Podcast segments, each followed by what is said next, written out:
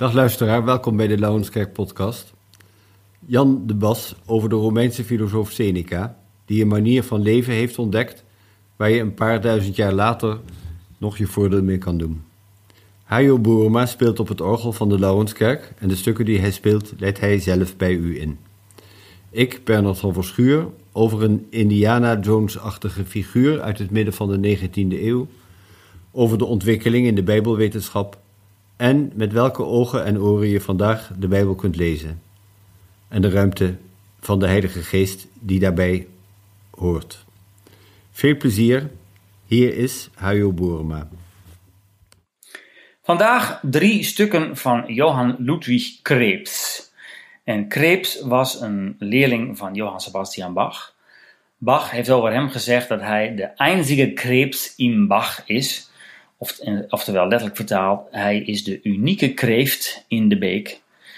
En de stijl van Bach is dan ook goed terug te horen in veel van zijn uh, composities. Hoewel je in sommige stukken ook al duidelijk een wat uh, meer galantere stijl hoort. waardoor het dus iets, ja, ik zou haar zeggen, luchtiger klinkt dan de muziek van Bach dan soms is. om te beginnen een koraalbewerking over Was Gott tut, das ist wohlgetan waarbij we de melodie in lange notenwaarden in de bas horen. Uh, en dan een trio in S, waarvan we dan eerst het adagio horen. En dan als slot uh, uit datzelfde trio in S het tweede deel, en dat heet molto, non molto allegro.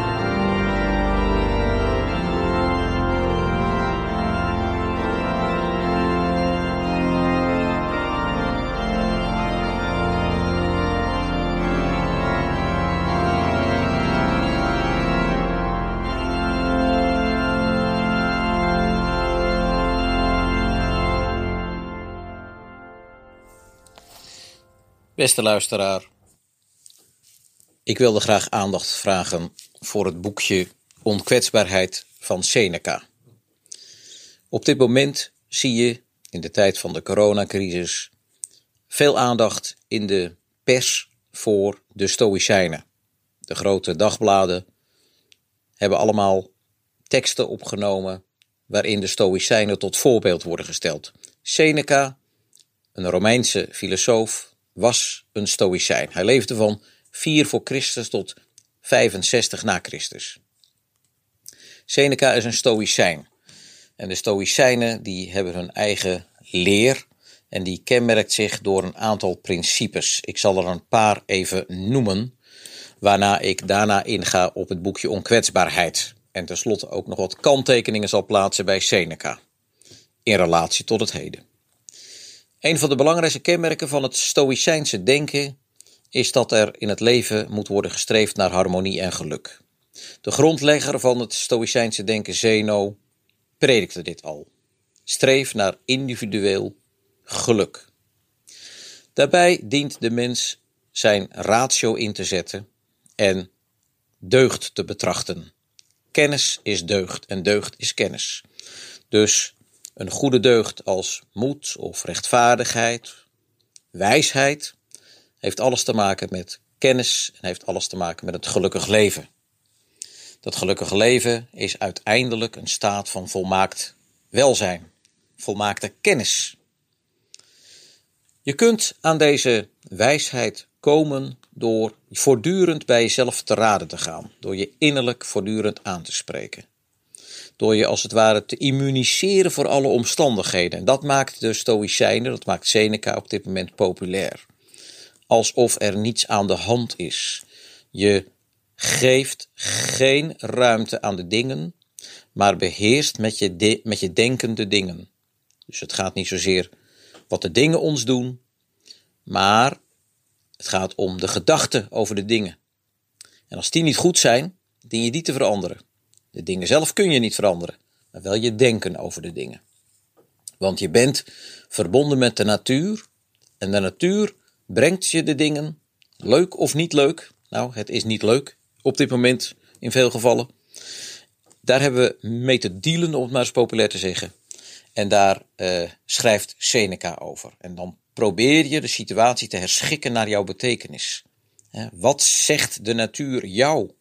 Wat kan je met jouw denken in relatie tot de natuur?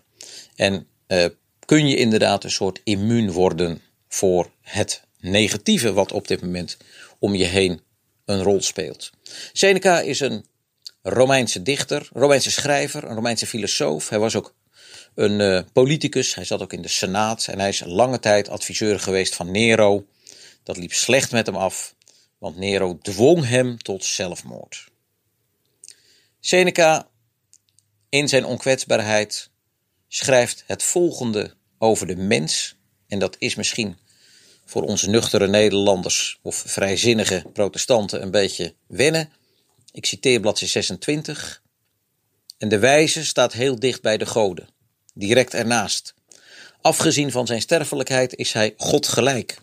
Hij streeft gestaag naar zaken die hoog en welgeordend zijn en vrij van onrust, die voortgang vinden in een constante harmonische stroom, die zekerheid bieden en weldoen en ontstaan zijn voor het algemeen belang, die heilzaam werken voor hemzelf en anderen, zonder verlangen naar iets lagers, zonder geklaag en gesteun, wie zich helemaal richt op het rationele en zo het menselijk bestaan doorloopt met de goddelijke geest, is voor onrecht totaal onvatbaar.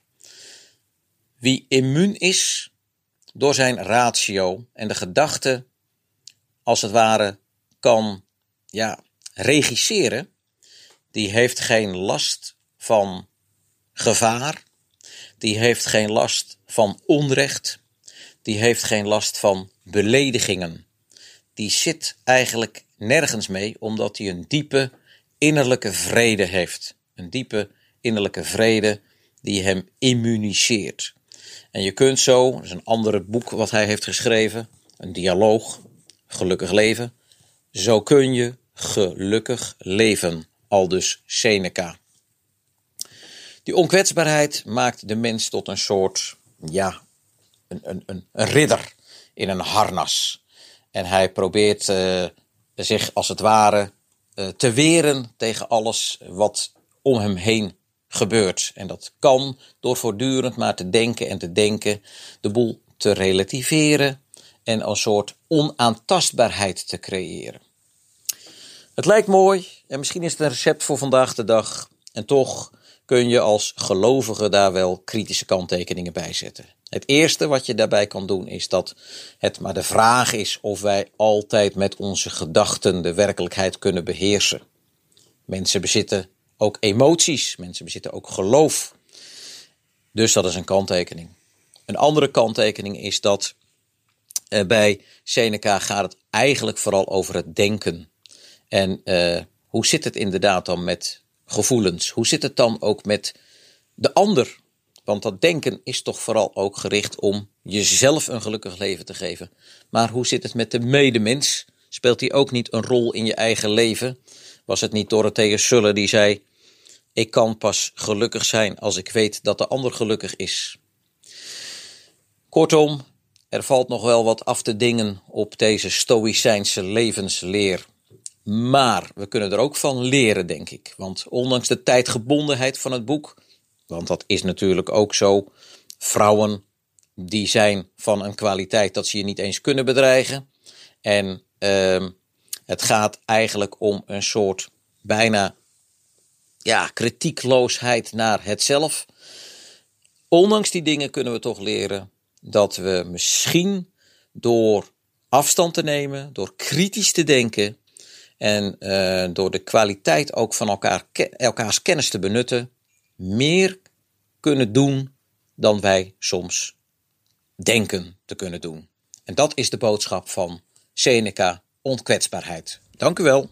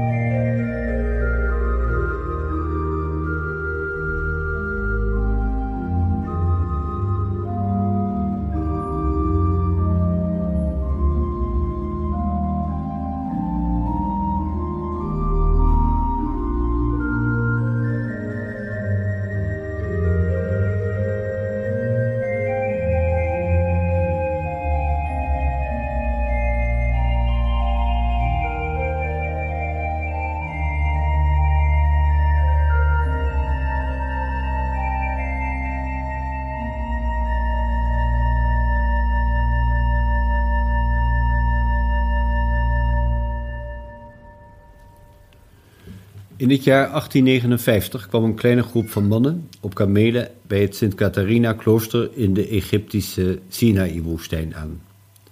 Het diep in de woestijn verborgen klooster was in de zesde eeuw gesticht op de plaats waar eens God bij een brandend braambos aan Mozes zou zijn verschenen. Achter het altaar in de kerk van het klooster moeten nog resten van dat braambos bewaard zijn. De Russisch-orthodoxe monniken wantrouwen iedereen die bij hun klooster verscheen. Er was geen poort, noch een deur. Je kon er alleen naar binnen als de monniken een bakje van de muur van het klooster naar beneden lieten zakken, waarin ze je naar boven en naar binnen konden takelen. De leider van de expeditie was Constantin van Tischendorf, een Duitser, een bijbelgeleerde. In de opdracht van, van de Russische tsaar had hij deze expeditie op touw gezet. Zijn doel was het opsporen van het oudste handschrift van de Bijbel, waarvan vermoed werd dat daar iets van in het klooster, dat het oudste klooster ter wereld was en permanent bewoond sinds de zesde eeuw, dat daar iets van dat handschrift te vinden zou zijn. Tussendorf had een brief van het tsaar bij zich waarin de monniken werd verzocht hem binnen te laten, hoe dan ook. Ze takelden hem dus omhoog. En over wat er daarna gebeurde zijn twee verhalen overgeleverd. Het ene verhaal is de versie van Tischendorf zelf. En het gaat zo dat hij in het klooster kwam, daar werd rondgeleid, hij schijnt er een week te hebben verbleven. Toen hij in de bibliotheek kwam, viel zijn oog op grote hoeveelheden oeroude documenten die daar waren opgestapeld. En bij het zien van die documenten en het schatten in één oogopslag van hoe oud die wel niet waren, moest hij zijn opwinding zien te verbergen. In een hoek zag hij een mand gevuld met flarden van papieren van perkament, waarover de aanwezige monnik zei dat ze met die flarden van papieren en perkament de kachel pleegden aan te steken. En tussen het papier in die mand ontdekte Tischendorf bijbelfragmenten die heel oud waren, later bleek uit de vierde eeuw. Het oudst bewaard gebleven handschrift van de Bijbel.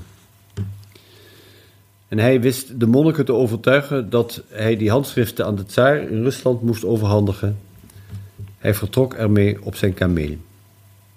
Het manuscript, dat later de Codex Sinaiticus genoemd zou worden, bevatte het hele Nieuwe Testament en delen van het Oude. Het tweede verhaal is dat van de monniken. En dat gaat zo. Tischendorf was dus hun klooster binnengekomen met de brief van de tsaar. Hij had hun de handschriften ontfutseld. Ze wisten heel goed dat het 1500 jaar oude manuscripten waren. En Tischendorf had die handschriften meegekregen waarschijnlijk ook door, vanwege de brief van het tsaar, en hun plechtig beloofd om het allemaal weer terug te brengen. En het verhaal van die papieren om de kachel mee aan te steken, dat had hij gewoon verzonnen. Ik weet wel welk verhaal ik het meest betrouwbaar vind. En het schijnt dat ze in het klooster nu nog de brief bewaren waarin Tischendorf belooft om alles weer terug te brengen. Dat deed hij dus niet. Hij bracht de Codex Sinaiticus naar Sint-Petersburg om het aan de tsaar te overhandigen. Daar bleef het tot in 1933, toen Rusland een Sovjet-Unie was geworden. De Sovjets, die geld nodig hadden en het allemaal letterlijk en figuurlijk oude troep vond, die handschriften voor 100.000 pond aan de British Library in Londen verkochten, waar ze sindsdien worden bewaard. Om het wonderlijke verhaal van die Codex Sinaiticus af te maken, bijna 100 jaar later, in 1975, was na een brand in de keuken van het Catharina-klooster een gat in een muur of in een vloer ontstaan, waarachter een onbekende geheime kamer ontdekt werd. En die kamer lag vol met oude manuscripten, waaronder ontbrekende delen van de code Sinaiticus. De expeditie die Tischendorf naar de woestijn uh, hield, hoort bij wat in het midden van de 19e eeuw, kun je zeggen, een hype was. De Russische tsaar, de keizer in Duitsland, de koningen van Engeland en Frankrijk, ze financierden allemaal expedities om in het Midden-Oosten de oudste handschriften te zoeken, op te speuren. Een paar honderd jaar eerder had Erasmus al gepleit voor het zoeken naar een versie van de Bijbel die dichter bij de oorspronkelijke tekst was dan de Latijnse Vulgaat, de Bijbel van de katholieke kerk. En met de Reformatie, de Bijbelvertaling van Luther en de Nederlandse Statenvertaling begonnen mensen zelf de Bijbel te lezen en konden ze zelf ontdekken dat er stukken waren in de Bijbel die andere stukken in de Bijbel tegenspraken. Hoe zit dat dan met het onfeilbare woord van God? In de 18e eeuw, met de opkomst van het wetenschappelijk denken, begon, begon men ook de Bijbelse teksten met een wetenschappelijk oog te bestuderen. Bijbels waren voor de komst van de drukpers in de loop van de eeuwen steeds weer overgeschreven. Er werd wel eens door zo'n overschrijver een fout gemaakt, een woord vergeten of veranderd. En er werd ook wel eens iets veranderd of toegevoegd, omdat de kopiist het daarmee duidelijker of beter vond. Als we nu de oudste versie van de Bijbel vonden, het liefst natuurlijk een van de versies die door Marcus of Matthäus of Lucas zelf opgeschreven of gedicteerd zou zijn, dan waren ze er.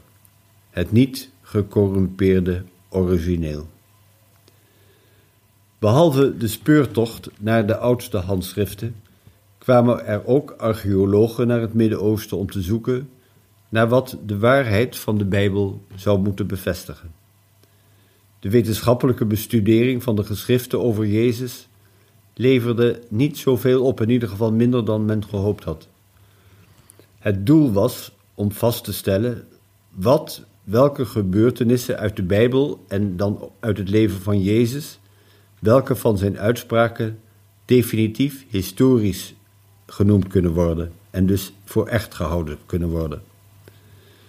Ook de natuurwetenschap speelde steeds meer een rol. Kon het echt gebeurd zijn dat, zoals in het boek Jozua in het Oude Testament verteld wordt, dat de zon tijdens een veldslag stil blijft staan aan de hemel? Of het verhaal in het Evangelie dat Jezus over het water heeft gelopen, om van iemand die na drie dagen uit de dood opstaat, maar te zwijgen. De historisch-kritische methode van Bijbelonderzoek ontstond aan Duitse universiteiten en wordt tot vandaag gebruikt. Men kwam er steeds meer achter dat de verhalen over Jezus niet een historisch verslag zijn van wat er is gebeurd, maar een eigen interpretatie van de evangelisten. Verkondiging, kerugma, het Griekse woord, zoals Duitse wetenschappers dat noemden. Je moet niet naar de feiten kijken, maar naar wat de teksten bedoelen, wat ze bedoelen over te brengen. Niet waar, waar gebeurt, wel waar, zeggen ze dan. En sommigen zeiden, het zijn mythes. Anderen concludeerden, dat je dan meteen wel kon zeggen dat het sprookjes zijn. Het heeft veel mensen doen besluiten dat het allemaal door mensen is verzonnen wat er in de Bijbel staat, die verhalen over God en Jezus, en dat je je dan maar beter met wat anders kunt bezighouden of gewoon meteen een echt sprookjesboek kunt lezen. Ik denk dat de verhalen uit de Bijbel horen bij de schat van de menselijke cultuur. Niet alleen van de christelijke cultuur, maar eigenlijk van alle volken uit alle tijden. Zoals je in de Bijbel leest over goede en slechte leiders, of over de positie van de vreemdeling, of over hoe een, hoe een groep mensen samenleeft, over de rol van de sterke en de rol van de zwakke in zo'n samenleving. De Bijbel heeft geen historische autoriteit, dat wil zeggen, het is, je kunt niet zeggen dat het eenmaal gebeurd is of dat het eenmaal gezegd is en dat het sindsdien vaststaat. Je kunt ook niet zeggen, Paulus was tegen homorelaties zoals hij in de Bijbel schrijft, dus moet je daar dan nu ook tegen zijn. Er zou een vorm van doorgaand gesprek kunnen zijn over die oude verhalen, waarbij het uitgangspunt is Ze hebben wat te zeggen over leven, over toekomst, over de plek die je in de wereld hebt, over ons leven met elkaar samen. De Bijbel is inderdaad, dat hebben ze ontdekt, een boek dat mensen hebben gemaakt. God heeft het niet opgeschreven, maar hij komt er wel de hele tijd in voor, als een die vragen stelt, als een die laat zien dat het niet alleen op één manier moet, als een die optreedt als een gesprekspartner voor een mens, als een betrouwbare in een onzeker bestaan.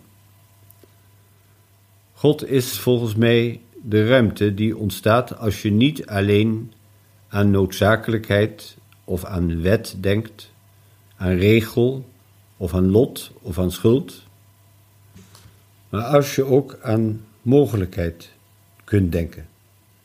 Het is ruimte in je hoofd.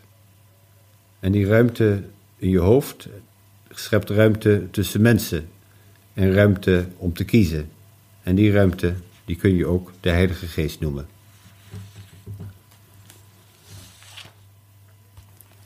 Een paar versen uit Psalm 148. Loof de Heer, bewoners van de hemel. Loof Hem daar in de hoogte. Loof Hem al zijn herauten. Loof Hem heel zijn engelenmacht. Loof Hem, zon en maan. Loof Hem, heldere sterren. Loof Hem, hoogste hemelen, water boven de hoge hemel. Laten zij loven de naam van de Heer, op zijn bevel zijn zij geschapen. Hij gaf hun een plaats voor eeuwig en altijd. Hij stelde een wet die nooit zal vergaan. Loof de Heer, bewoners van de aarde, zeemonsters en oceanen, vuur en hagel, sneeuw en rook, stormwind die doet wat hij zegt.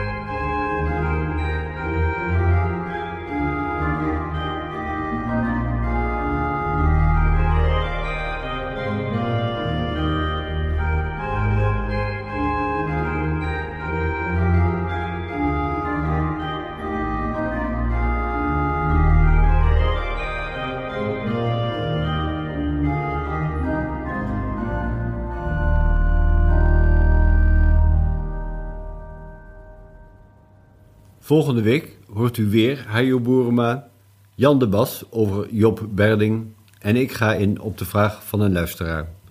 Het ga je goed en tot volgende week. Dag!